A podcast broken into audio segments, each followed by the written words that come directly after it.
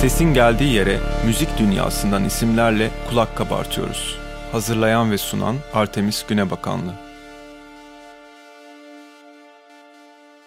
Türkiye'de müzik sektörünü ana akım dışında bir perspektiften ele aldığımız Dip Gürültüsü'ne hoş geldiniz. Ben Artemis Günebakanlı. Yanımda çok uzun zamandır müzikle ilgili üretimlerini takip ettiğim Hakan Tamar var. Kendisinin Number One FM'deki programlarını kasete çekerek geçmişti ergenliğim. Yıllardır hem radyo programlarında hem DJ setlerinde hem de son dönemde YouTube'daki Mod Sessions performans serisinde Türkiye'de özellikle bağımsız müzik alanındaki üretimleri dinleyiciyle buluşturuyor. Plak şirketi Tamar Records'la yeni isimlere alan açıyor. Müzik ve dinleyici arasındaki mesafeyi kısaltıyor. Hakan Tamar hoş geldin. Hoş bulduk Artemis merhaba. Seninle karşılıklı oturmak mutluluk verici benim için. Ne mutlu ki yıllardır Radyo Eksen'de sırt sırta program yapıyoruz salı akşamları. Doğru. Ee, Radyo Eksen'de devam eden mod ve hafta sonu yayınlanan kaldığı yerden benim için Türkiye'nin bağımsız müzik sahnesinde bir rehber gibi. Birçok farklı türde o kadar yoğun bir faaliyet var ki bir dinleyici olarak çok mutlu oluyorum dinlerken. Çünkü müzik yapmanın bu alanda çalışmanın kolay olmadığı bir yerdeyiz. Buna rağmen ciddi bir üretkenlik var. Sen bu için için kaynayan ve yüzeye püskürmek için her an bir çıkış noktası arayan müzik sahnesini nasıl görüyorsun? Genel bir değerlendirme istesem senden. Tabii ki. En baştan bir kere zaten ülkenin müzik tarihi açısından oldukça önemli bir dönemden geçtiğimizi düşünüyorum. Bunun içerisinde de rolümün hakkını vermeye çalışıyorum açıkçası. İnsanın hem birey olarak hem de birlikte başkalarıyla yapabileceği çok şey olduğuna inanıyorum. Dolayısıyla da elimden geleni ardına koymama zihniyetindeyim birazcık. Demin de senin bahsettiğin gibi gerçekten değişik müzik türlerinde evrensel olarak niteleyebileceğimiz pek çok güzel üretim var uzun bir süredir ülkede. Pek çok insanın burnunun dibinde bunlar, gözünün önünde aslında cereyan ediyor. Biz de bir şekilde bunlara dair sorumluluğumuzu yerine getirmeye çalışarak değişik alanlarda faaliyet göstermeye çalışıyoruz. Radyo programları, Bunlara bir örnek tabii ki plak şirketi hareketi bir örnek. Mod Sessions alanda yapılan bir uygulama. Biraz daha değişik açılımlara gebe olabilecek bir örnek gibi gibi. Buraya bakıldığında özellikle 70'lerle ilgili global bir takım ülkeye dair müzikal akımlardan bahsedilmekte. İşte Türk Psikodelik vesaire başlığı altında. O zamandan bu zamana kadar ki belki de en önemli burada bir şeylerin kaynadığı bir dönemde biz de çağdaşlarımızla birlikte aynı havayı soluyoruz. Dolayısıyla bütün uygulamaları da zaten bu solunan aynı hava, içilen aynı su, işte çekilen aynı dertler yansıyor. Yapılan her şey tabii zamanın ruhunu da aktarıyor takipçilere, dinleyicilere, izleyicilere. Gerçekten önemli bir misyon, ciddiye alınarak yapılması gereken bir şey. Disiplinin de kaybedilmemesi gerekiyor tabii ki. Geleceğe bayağı bu programlarda veya bu hareketlerde yer verdiğimiz bu arkadaşlarımızın yön vereceğini düşünüyorum. Buraya bakıldığında 20 sene sonra, 30 sene sonra belki yapılacak belgesellerde falan çalınacak müzikleri bile duyabiliyorum. Bir şekilde biz işte az önce söylediğim gibi insanların işte gözlerinin önünde, burnunun dibinde işte bunları deneyimliyoruz. Yaşarken yaşadıklarımızın farkındayız. Bu önemli bir şey zaten. Bu tarz motivasyonlarla da işte hayatımızı idame ettiriyoruz. Pandemide yaşadığımız kriz de bize bence net bir şekilde gösterdi. Müzik sektörü anlamlı bir devlet desteği olmadan varlığını, sorunlarını kendisi çözmeye çalışarak, biraz imece ruhuyla, çoğu zaman da sadece günü kurtararak sürdürebiliyor çok kırılgan bir sektör. Ülkenin hızlı değişen gündeminden de ekonomik olumsuzluklardan da çok etkileniyor. Son bir yılda yaşadıklarımız zaten ayrı bir trajedi. Bu kaygan zeminde müzisyenlerle, sanatçılarla yan yana duran yapılardan biri bağımsız plak şirketleri. Biraz bağımsız plak şirketlerini konuşalım istiyorum. Hı hı. Seni Tamar Records'ı kurmaya iten şey neydi ve Tamar Records üzerinden bağımsız bir plak şirketinin nasıl çalıştığını, nasıl işlediğini bize biraz anlatabilir misin? Müzik tabanlı bir hareket yapılıyorsa aynı anda değişik pek çok uygulamanın devreye girmesi gerektiğini düşünüyordum çok uzun zamandır zaten. Tek bir hedefe birkaç kurşun ya da ok göndermek. İşte yapılabilecek şeyler nedir? Kendi adıma, kendi yeteneklerim doğrultusunda bunu masaya yatırdığımda zaten çok uzun zamandır plak şirketi hareketi aklımda olan bir şeydi. Biraz şartların uygunluk göstermesi, Pek çok kriter tabii burada önemli bunun devreye girmesine dair. O müziği yapanların ortaya çıkması, dünyanın küçülmesi. Bir yandan da aslında belki de en önemlisi artık böyle şeye karar vermek. Yani uçabilmek için o yuvadan atlamak, yüzebilmek için denize atlamak gibi bu cesaretin gelmesi. Burada da zaten biraz değerli müzisyen arkadaşlarımın da etkisi oldu. Bu işe birlikte soyunmak isteyen beni tabii bunlar biraz tetikledi. Mevzunun gerçekleşmesi konusunda o yolculuğu hızlandırdı. Ve bir noktada artık tamam bunu yapabiliriz, yapmaya başlamalıyız noktasına eriştim ve ondan sonra zaten çorap söküğü gibi geldi arkası. Takribi olarak iki senelik bir geçmişe sahip Tamar Müzik, Tamar Records 1 Mayıs 2019 resmi kuruluş tarihi. Ama o bizim için öyle. Resmi tatil olduğu için 2 Mayıs olarak kaydı yapılmıştır. Peki Tamar Records'ın işleyişinde sanatçılara nasıl bir araya geliyorsunuz? Üretim sürecine sen dahil oluyor musun? O taraf nasıl yani release yapılana kadar nasıl gelişiyor olaylar? Aslında hepsi vaka bazı değişik seyrediyor. Bunları ana konu başlıkları altına toplayabiliriz. En baştan itibaren dahil olabildiğim mevzular oluyor. Tamamen hazır bir şekilde gelen, sonrasında benim dahil olduğum durumlar olabiliyor. Çeşitli bir takım gereklilikler sebebiyle benim devreye girmem gereken konular olabiliyor. Bu üç ana şekilde yani baştan, ortadan ve sondan gibi diyebilirim aslında yani. Bu şekilde cereyan ediyor. Genel olarak aslında biraz da bu plak şirketi biraz da kendini de yapıyor diyebilirim. İçgüdümü çok takip ediyorum. Elbette özellikle belli bir seviyeye geldikten sonra oturduğun yerden sana pek çok şey ulaşmış oluyor. Böyle en iyi avcı en iyi av olandır gibi yani avcısın ve av senin kucağına geliyor öyle bir tabir kullanabilirim yani. Kalpten inandığım herhangi bir şeyse bu mevzu bahis duyduğum şey ben de elimden geleni yapmaya çalışıyorum. Ama öte yandan sadece plak şirketi konusunda faaliyet göstermediğim için başka alanlarda da tabii ki yine elimden geleni yapma amacı gidiyorum. Yani bir yolculuğu varsa herhangi bir şeyin yüz adımdan oluşan bir adımında faydam oluyorsa zaten ne mutlu bana. Radyo programında çalmak olsun, DJ'likte çalmak olsun, ne bileyim bir televizyon yayınında veya işte bir görsel dünyada faaliyette bulunduğum bir şey içerisinde yer vermem olsun. Sonuçta çok uzun zamandır bu musluğun ağzında duruyorum. Zaten bu insanlarla aynı hayatı paylaşıyorum. Sosyal çevremde de olan insanlar bunlar. Dolayısıyla pek çok şeyden çok önceden de haberdar olabiliyorum. Bunların hepsi tabii artılar bu işi yapan bir insan için.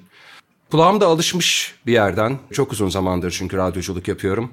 Çok kötü şartlarda konserlere de maruz kaldım. Çok kötü şartlarda yapılmış kayıtları da dinledim. Seviyorum bunları da bir yandan da. Yani ben ruhuna, içinde hayat olup olmamasına falan filan o tip şeylere böyle biraz meraklıyım. Şeyi yakalayabildiğimi düşünüyorum. Yani işlenebilecek bir damar mı bu? Şimdi böyle ama sonrasında ne olabilir? Her seferinde zaten sonuçlara şaşırıyorum. Bir demodan final haline geldiği zaman bir şarkı veya işte bir müzikal eser. Genellikle proses bu şekilde cereyan ediyor. Her seferinde tabii ki maksimum sanatçıyı üretiminde, kendini ifadesinde özgür bırakmaya çalışıyorum. Elbette böyle olmalı. O dünyayı yaratan çünkü kendisi. Ama mesleki bir takım bilgi ve birikimlerle de e, bazı şeyleri tabii karşılıklı konuşuyoruz. Çünkü ortaya çıkacak şeyin bizi en iyi ifade edecek şey olmasını istiyoruz. En iyisi olmasını istiyoruz. Bu konuda da her tür fikre karşılıklı açık olduğumuz sürece zaten şu ana kadar sonucundan memnun kalmadığım hiçbir şey de olmadı. Peki bugünün şartlarıyla değerlendirdiğimiz zaman majör plak şirketleriyle yan yana değerlendirildiğinde bağımsız plak şirketlerinin sanatçılar için cazip kılan şey ne oluyor?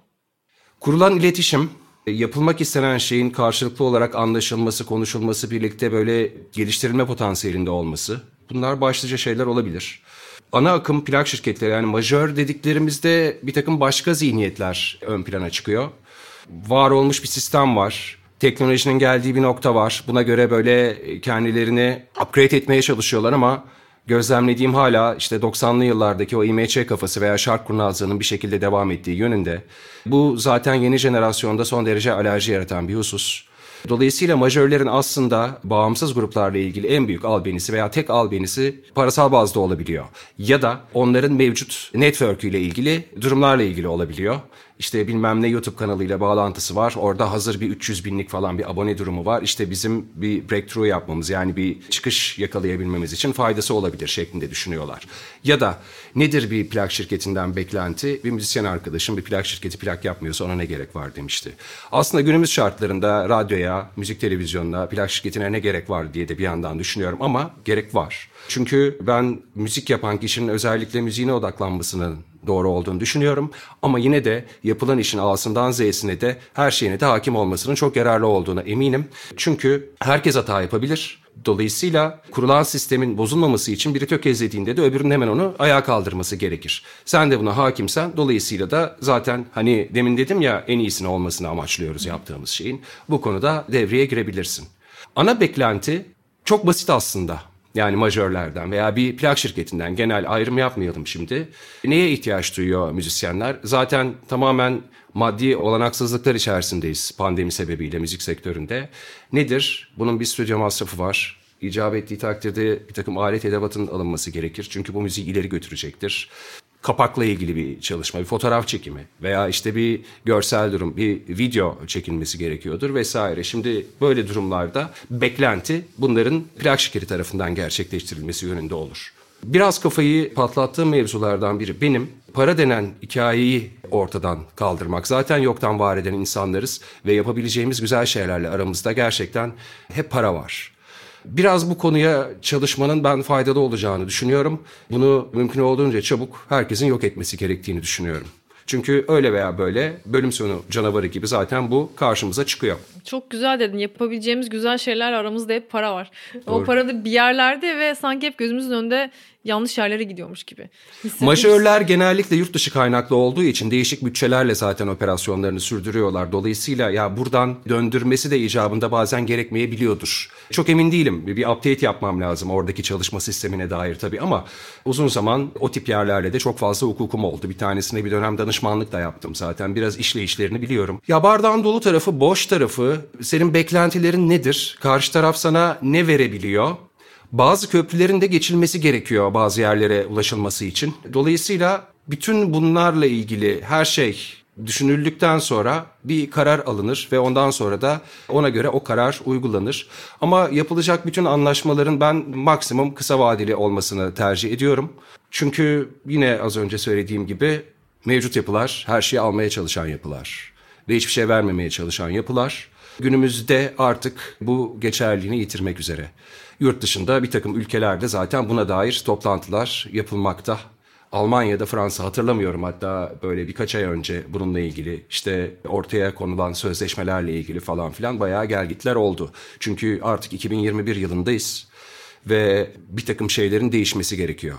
Yeni jenerasyon plak şirketi gibi bir takım modellemeler üzerine mesela bir takım düşünceler var. Nedir? İşte mesela bu önemli bir e, husus. Ben plak şirketi olarak 10 yıllık bir anlaşma yapacağım seninle. Yani 10 yıllık anlaşma derken şu açıdan 10 yıllık.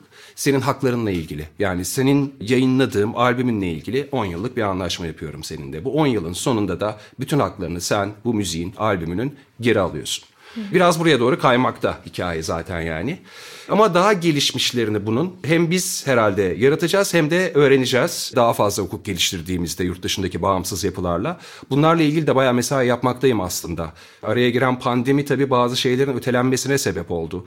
Yoksa dünyanın en büyük bağımsız yapıları daha aktif ve daha yapılana yakışır şekilde zaten bu ülkede temsil edilmeye başlanacaktı. Hı. İcabında biz de bunlarla birlikte olacaktık. Çünkü düşünecek olursan onlar aptal biz burada akıllıyız değil mi bağımsız yapılar olarak? Sonuçta sistemden sıtkı sıyrılmış insanlar bunlar ve bir şekilde bu sistem içerisinde en üst seviyede kendi haklarını koruyabilecek bir takım yapılar kurmuş vaziyetteler. Bu dijital dağıtım olsun veya bu zincirin herhangi bir halkası olsun. Ona göre masaya oturuyor mesela bir dijital streaming platformuyla yani isim vermeme gerek yok. Hepsi malum Spotify'dı, Apple'dı, YouTube'du vesaireydi bildiğimiz yani şu anda pek çoğumuzun kullandığı. Ve dünyada üretilen müziğinde yüzde 43, yüzde 44'ünü temsil ettikleri için de oldukça yüksek bir pazarlık kuvvetine sahip oluyorlar. Ona göre de belli bir rate alıyorlar, belli bir oranla anlaşıyorlar karşı tarafla. Burada unutulmaması gereken şey senin orada bir sanatçıyı, albümünü yayınladığın birini temsil ettiğin. Tamam sen de hem bir şekilde plak şirketine döndürmekle mükellefsin ama bir yandan da bu temsil ettiğin sanatçının da hakkını sonuna kadar korumalısın. Çünkü sen de onun gibi bir insansın. Senin de bir artistik tarafın var zaten. Şeyi unutmamak lazım. Yani Bilmiyorum onu daha ziyade bağımsızlarda gözlemliyorum. Majörlerde zaten böyle bir hikaye yok. Yani sen hem sanatçısın hem de label'sın. İki tarafın da hakkını koruyacak bir şekilde adilane bir şey yaratmalısın. Biraz da böyle olabileceğini gösterme amacı güdüyorum ben. Aa bu iş böyle de yapılabiliyormuş. Şu ana kadar gidişatımdan memnunum. Yaklaşık geride bıraktığım iki senelik böyle bir buna dair böyle bir bilanço çıkarttığımda ve bu şekilde götürmeyi amaçlıyorum hikayeyi. Ve bir takım tabii kendimce değişik sistematikler bulmaya çalışıyorum. Bunları değişik bağımsız plak şirketlerinden arkadaşlarımla zaten oturup konuşuyoruz. Hı hı. Herkes bir şekilde kendine ait böyle bir ayakta kalabilmek adına bir takım sistemler zaten bulmuş ve bunu uygular haldeler. Açığım tabii ki her türlü. Yaparak öğrendiğim bir şey benim de bu. Sektörde çok uzun zamandır bulunuyorum ama benim için biraz yeni bir alan tabii ki. Ona göre stratejiler. Çünkü temsil ettiğin kişinin hayatının bundan sonrasıyla ilgili çok önemli bir adım beraber yapacağınız release, çıkaracağınız şey. Evet. Şimdi bunun şakası yok. Dolayısıyla bütün adımları doğru atman lazım. Bu büyük bir sorumluluk getiriyor beraberinde, bir disiplin getiriyor beraberinde. Yani kimin ne hakkı var? Anlatabiliyor muyum? Yani label'dan ben 50 küsur yaşında da birinin bir şeyini çıkardım. 20 yaşında çocukların da bir şeyini çıkardım. İşte eşimin single'ını çıkardım. Hı. Şimdi ben hatalı onların aleyhine tek bir adım atabilir miyim ya? Böyle bir şey imkansız. Bu bahsettiğin şey aslında biraz bu sorumluluk hissetme yani bu işi artık kişisel sorumluluk bazında içselleştirme majör plak şirketlerinde görmediğimiz bir şey aslında. Biraz bağımsızlara Beklenmemesi gereken de bir şey. Yani bir takım böyle düşünsel ya da uygulamasal bazda normal olması gereken şeye yaklaşımlar tabii ki var ama ben o niyetlerinin de o kadar temiz olduğunu düşünmüyorum. Yani çıkış noktaları zaten bambaşka onların. Çok da Türk Akademiyim ama yani sistemle ilgili sadece bu sektörle ilgili değil. Bütün sektörlerle ilgili için içine iş giren, para giren her şeyle ilgili zaten bu tarz düşünce yapıları zaten var. Streaming servislerine biraz girdik aslında o konuya. Bu konuda ayrı bir program da yapmak istiyorum ama senle konuşmamız gerektiğini de düşünüyorum. Ben streaming servisleri içinde anlamlı bir dinleyici sayısı ve dolayısıyla buna bağlı olarak anlamlı da bir gelir elde edebilmek için çok takip edilen listelere girme gerekliliğinin bugün müzik üretimini doğrudan etkilediğini düşünüyorum. Hem müziğin niteliğini hem de yayınlanma biçimini etkiliyor bence. Kesinlikle mevzunun bütün kaderini etkiliyor hatta bu durum. Evet. evet ee, çok for... net rakamlar her şeyi ortaya evet. koyuyor zaten. Bu iyi bir şey değil tabii ki. Evet yani albüm formatının ortadan kalkması, EP'lere bölünmesi, tamamen single'larla ilerlenmesi gibi daha biçimsel etkiler de var. Senin hem radyocu hem plak şirketi sahibi olarak buna dair yorumunu merak etmiştim. Onun ana çıkış noktası Tabii ki şimdi kıyasladığın zaman listeye girmiş bir şarkı yani işte popüler bir listeye girmiş bir şarkı herhangi bir platformda ya da listeye girmemiş bir şarkı. Zaten bu tip platformların artistlere özel de bir takım uygulamaları var. Burada an be an zaten durumu takip edebiliyorsun. O sırada seni kaç kişi dinliyor, toplam Hı-hı. kaç kişi dinlemiş, hangi ülkede dinleniyorsun, hangi o ülkenin hangi şehrinde ne kadar dinleniyorsun. Çok da tuhaf bir his bu bir yandan. Çok garip bir şey. Bir de böyle titriyor falan telefon tık bir sayı arttıkça falan çok garip bir şey tabii ki. E işte artık öyle bir dünyanın içerisindeyiz. Din, dinlenme borcu borsasının içinde bir aktör gibi hissediyorsun. Ya bıyık sakal kendini. gibi bir şey o listenin içerisinde olmak. Şimdi okey tamam mesela bir rock listesi herhangi bir platformda bu listenin neredeyse 400 binlik bir takipçisi var. Şimdi sen o kategoride bir şey ürettiysen o listeye girmek istersin. Çünkü bir insana bile dokunmak bir şey. Yani herkese şans vermenin gerekliliğini savunuyorum ben ama şimdi buraya bu şarkıları alan kişiler kimler? Bunlar ne derece yetiye sahipler? Bu insanlar bütün bu hikayenin geleceğini, bu insanların kaderini etkilediklerini biliyorlar mı? Müzikle ilgili hukukları ne? Orada yakalayabiliyorlar mı bazı şeyleri? Ne kadar öngörülüler? Ne kadar ilerici zihniyetteler? Yani o kadar çok vasıf gerektiriyor ki bu sorumluluğu almak için. Bir tane senin editörün varsa nasıl o editör bütün müzik türlerine hakim olabilir ve tek bir kişiden bununla ilgili kararlar çıkabilir? Platformlara verebileceğim tavsiyeler olabilir bu konuyla ilgili olarak. O da kendi alanlarında uzman kişileri bu tip şeylerin sorumluluğuna getirmek. Çünkü hayatlarını müziğe vermiş bir takım insanlar var. Bilmem kaç yaşlarında, bilmem kaç senedir emek veren duyduğu şeyden daha başka bir şey algılayabilecek potansiyelde bu insanlar. İyi de öldür hakkını ver. Bir takım müzik türlerinde mesela bu insanlara o sorumluluğu vermek başlangıç olarak faydalı olabilir. Daha eklektik bir şeye gidiliyorsa ona göre özelliğe sahip insan bulabilirsin. Şimdi biz bir 10 dakika önümüze kağıt kalem koysak 20'şer kişilik falan liste yapabiliriz. Ama o insanların esamesi okunmuyor bu dijital platformlarda. Başka ne olabilir? Bazı müzik türleri var ki bazı kalıplaşmış mesela listelere giremiyor. O türlere uymadığı için. Üçüncü yeniye uymuyor mesela. Şu anda aklıma o geldi.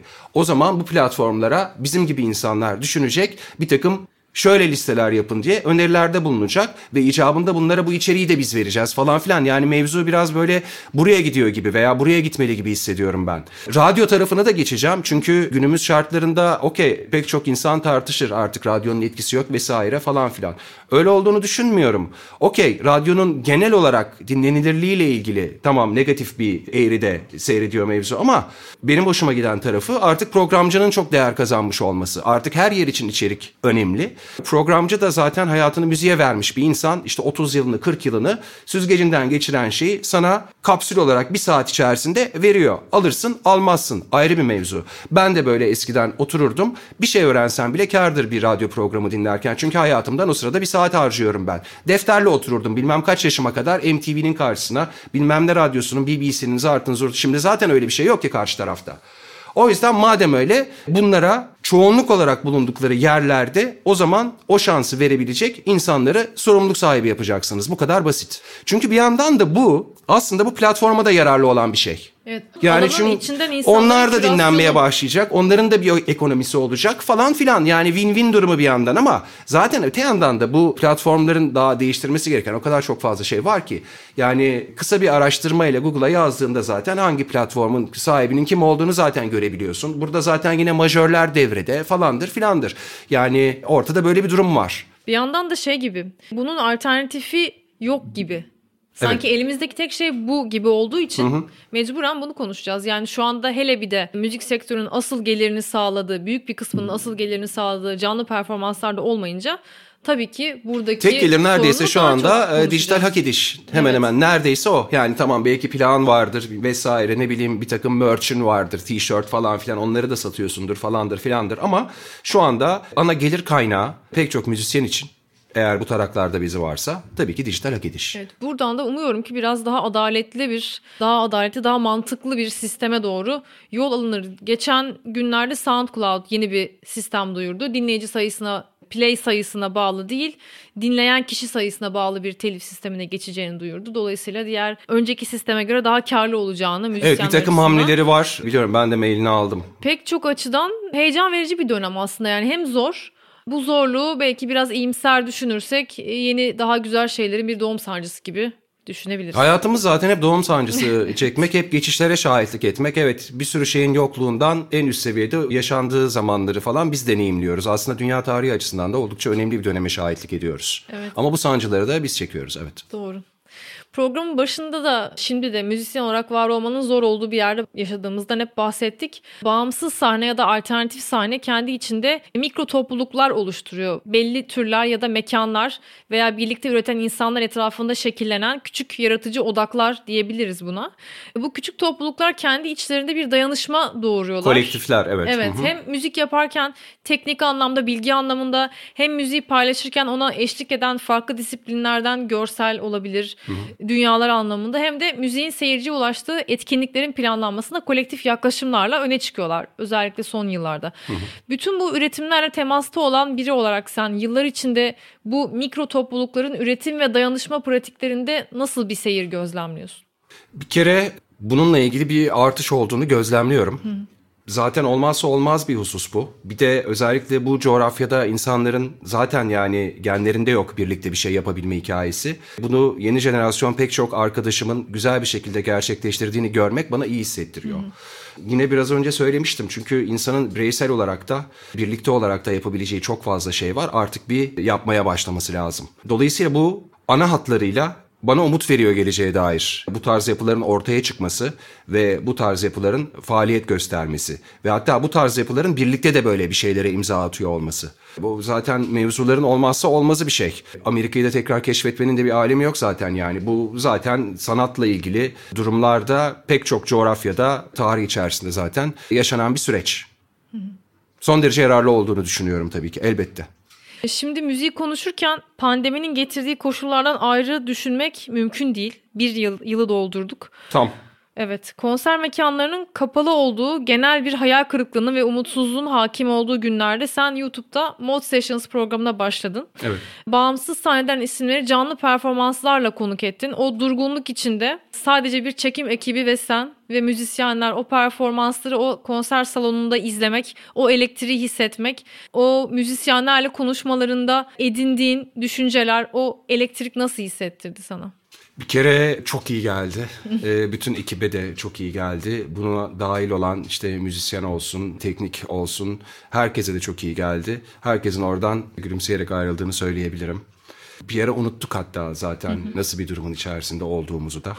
Herkes çok özlemiş zaten çalmayı. İnsanların bir amacı oldu. Onunla ilgili provalar yaptılar.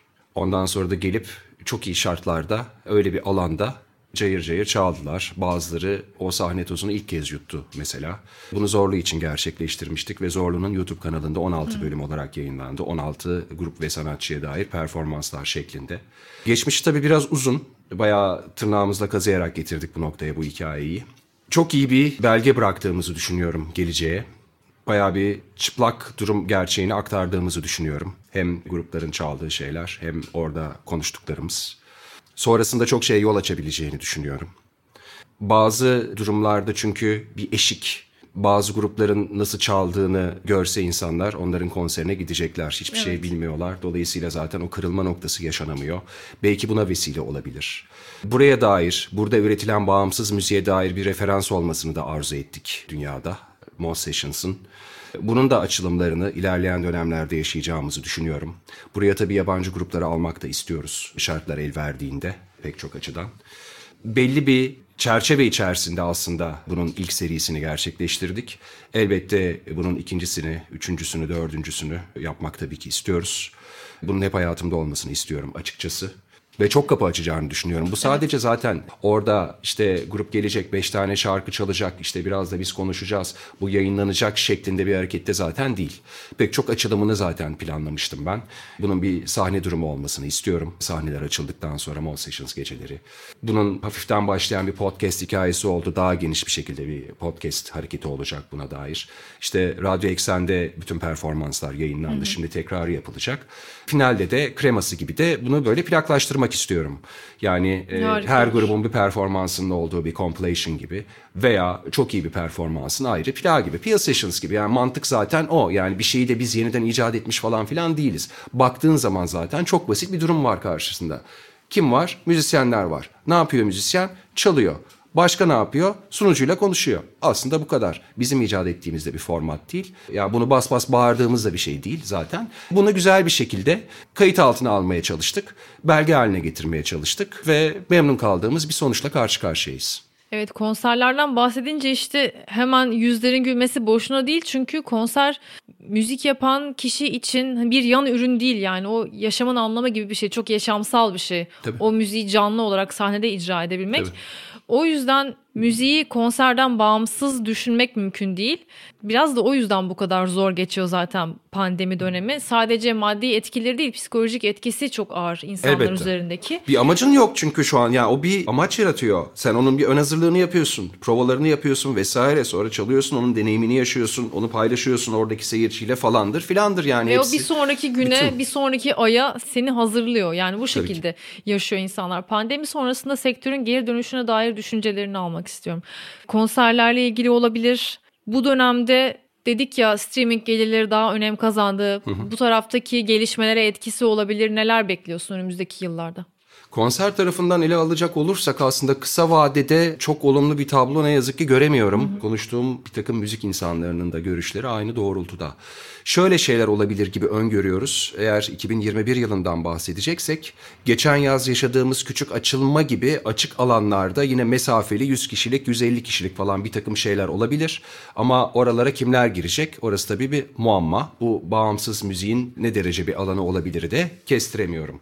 Ama öte yandan şey hoşuma gidiyor tabii ki bütün zorluğuna rağmen bir takım bağımsız arkadaşlarımızın üretimlerine devam etmesi ya da bu mevcut zamanı bunun geçici ana kadar bir hazırlık olarak görmeleri ne olursa olsun yani pek bir motivasyon olmasa da hayat devamlı ısırıyor olsa da Biraz ben de zaten ona çevirmeye çalışıyorum. İşte ne bileyim label'ın kataloğunu genişleteyim falandır filan. Yani her şey geçtiğinde hazır olmayı amaçlıyorum. Yani kötü olan bir şeyi iyiye çevirmek, negatif bir şeyi pozitife çevirmek. Çok böyle özetle böyle adlandırabilirim. Kendilerine de bunu tavsiye ederim ama tabii ki bu kolay bir şey de değil. Belirsizlik çok kötü bir şey e, hayatta ve belki de en zorlayıcı şeylerden biri. Pek çok insanın ama bununla baş etmeyle ilgili de bir takım mesafeler kat ettiğini düşünmekle birlikte giderek her şeyin daha zorlaştığını da gözlemliyorum. Akıl sağlığını, beden sağlığını daha ne derece koruyabilecek, daha ne derece ayakta kalabilecek insanlar da işte kendilerini ifade etme durumunu yaşayabilecekler. Dinleyici tarafından bir soru sormak istiyorum şimdi. Buradaki müzikten haberdar olmak isteyen bir dinleyiciyim ben. Yeni sesleri bulmak istiyorum, dinlemek istiyorum ve onlara destek vermek istiyorum. Yani bu belirsiz ortam içinde dayanışmak istiyorum müzisyenlerle. Bir herhangi sıradan bir dinleyici olarak benim nereye bakmam gerek, ne yapabilirim, nasıl bulabilirim, nasıl ulaşabilirim? Ya ilk kapı çok önemli. O ilk kapıyı bulabilmek önemli galiba. Çünkü bir kapıyı açtıktan sonra sonra ikinci kapı, üçüncü kapı, dördüncü kapı şeklinde bu zincirleme devam edebilir. Yani içeriği veren, bu konuda mesai yapan doğru bir kaynak bulmakla başlayacaktır her şey. Ondan sonra bu kaynak üzerinden de yapılacak yolculukta devam edecektir. Diğer kaynaklara erişmek şeklinde cereyan edecek. Bir takım müzik insanlarını takip etmek, işte bir takım radyo programlarını, bir takım müzik sitelerini takip etmek. Bunların üzerinden okuduğun röportajdan bile o müzisyenin tavsiye ettiği bir grupla ilgili mesai yapmak. Aa ben bakayım ya bu grubu çok beğeniyormuş benim sevdiğim adam belki ben de beğenirim şeklinde. Bu şekilde katlanarak devam edebilecek bir şey olabilir bu. Çünkü normal şartlarda sistemin sana sunduğu kadarlasın bir yandan da. Aslında geçmiştekinden çok da farklı gibi değil. Geçmişte de biraz efor harcamak gerekiyordu yeni bir şeye ulaşmak için. Evet. Şu anda sanki çok fazla şey hemen elimizin altında gibi ama aslında yine onlara ulaşmak için en azından o Biraz müzik tüketim biçiminin de değişmesi lazım. Şimdi gerekiyor. yani bir şeyi biliyor musun, bilmiyor musun? Bir şeyi bilme süresi artık o kişinin o şarkıyı bir kere dinlemeyle yani 3 dakika 40 dakikalık bir şarkıyı dinliyor. Ben artık bunu biliyorum oluyor ve zaten onu bir de tüketmiş oluyor üstüne yani. Bu zaten çok kötü bir durum. Albüm dinleme alışkanlığı zaten yok. Uygulama içerisinde zaten hani sen de söyledin ya işte single single single. Şimdi neden? Bir albüm bile üçe bölerek yayınlıyorlar falan. Yurt dışında da var. Burada da var örnekleri. E çünkü herif Orada kimse bir tanesini alıyor bilmem ne listesine. Ha diyor ki o zaman plak şirketi de ben o zaman bir tane çıkarayım ki o girsin. Sonra ikinciyi çıkarayım o da girsin. Üçüncüyü çıkarayım o da girsin. Ben 8 şarkılık bir şey çıkartırsam bir tane girecek. Ama bu şekilde ben 3 taneyi sokmuş olacağım. Bir de albüm çıktığında dördüncü girecek. Çünkü o kadar etkiliyor ki hikayeyi. Evet ve aslında dinleyici bunun farkında bilmiyorum. Onu da yeri geldiğinde Ya her açıdan çabuk tüketmeye zaten alıştırılmış bir belli bir yaş kitlesinin altı tamamen zaten buna doğmuş vaziyette ve bunu bu şekilde yaşıyorlar. Peki bu dinleyici nasıl destek olabilir müzisyenlere? Şu anda konsere gidemiyorum. Ne yapabilirim? Bandcamp'e mi yönelmeliyim? İşte Spotify'daki linklerden onlara destek olmaya mı çalışmalıyım? Ne olabilir? Bir takım bu grupların hard copy dediğimiz yani işte CD, plak vesaire dediğimiz şeylerini satın almaları olabilir. Yani direkt iletişim halinde olmaları lazım. Yani ya da işte tişörtüydü vesaireydi. Bir takım gruplara bağış yapılabilen falan hikayeler var. Evet. Ben bunların hiçbirisini denemedim. O yüzden bir referans da veremem. Bazı şeylerle ilgili bilgiye sahibim. Ha, bir şarkı dinlendiğinde nasıl bir ekonomi yaratıyor? Bu ekonomi kim tarafından ne şekilde paylaşılıyor? Ha, ona göre derim ki hayır. Oradan dinlediğinle sen hiçbir şey zaten hiçbir faydan olmuyor. Bunu söyleyebilirim ama diğer tarafla ilgili. Bandcamp'te genel olarak zaten direkt olarak şeyle muhatapsın. O müziği yapanla muhatapsın. Ama Bandcamp'in de gıcık olduğum bir tarafı var benim mesela. Her yapı bir kere sorgulanmalı bir yandan da. Ne yapacaksak zaten kendimiz güç birliğiyle ve el birliğiyle yapacağız. İcabında diğer mevcut yapıları yıkarak kendi yapımızı e, harekete geçireceğiz ve kuracağız. Yani hep böyle bir zaten döngü var. Bir şöyle bir şey söyleyebilirim aslında bir gelir değil tabii ki ama büyük bir moral. Dinlediğiniz, sevdiğiniz herhangi bir sanatçının Instagram hesabından ona bir mesaj atabilirsiniz. Seni Elbet, dinliyorum, müziği tabii ki, benim için çok tabii değerli. ki. Bu, ya bu o kadar müthiş bir şey ki müzisyenin bunu görmesi. Aynen Emin çünkü olun ona 3 haftalık, çok- 3 çok aylık önemli. bir motivasyon kaynağı olabilir. Yani o gününü güzelleştirirsin. Evet, ne kadar iyi bir şey bu. tavsiye bu olabilir. Gerçekten iletişime geçebilirsiniz dinlediğiniz insanlarla. Hele günümüzde insanların bir güzel lafı birbirinden esirgediği bir zamanda yani. Evet. O kadar kıymetli ki. Evet. En azından bunu yapabilmek yani lazım. Son bir şey sormak istiyorum sana. Dinleyiciler bence çok çok güzel olan bu sohbetimizi dinledikten sonra hiç vakit kaybetmeden hangi şarkıyı açıp dinlesin üstüne. Hangi şarkıyı dinlesinler? Tak tak tak tak tak tak tak. Apartmanlar geliyor ya benim aklıma. Tamam. Ee, ne bileyim ben son rüyayı dinlesinler mesela. Tamam, ya da ölmeden Limpesto ölmeden dinlesinler mesela. Apartmanları sonra Kendi çıkarttığım şeyleri söyledim ama yani. Aklıma direkt olarak onlar geldi. Ne bileyim ben. Tamam apartmanlar veya Limpesto Güzel bir Barış Demirel dinlesinler. Be. Bil- ne bileyim bilmiyorum. Yani içinde hayat olan, onları iyileştirecek, iyi gelecek bir şey dinlemelerini tavsiye ederim. Çünkü gerçekten gününü ve o anını kurtarabiliyor duyduğun şeyler. Çok teşekkür ederim. Hakan Tamar Dip Gürültüsü'nde bizimle olduğun için. Ben çok teşekkür güzel, ederim. Çok güzeldi seni ağırlamak. Çok teşekkürler. Tekrar görüşmek üzere.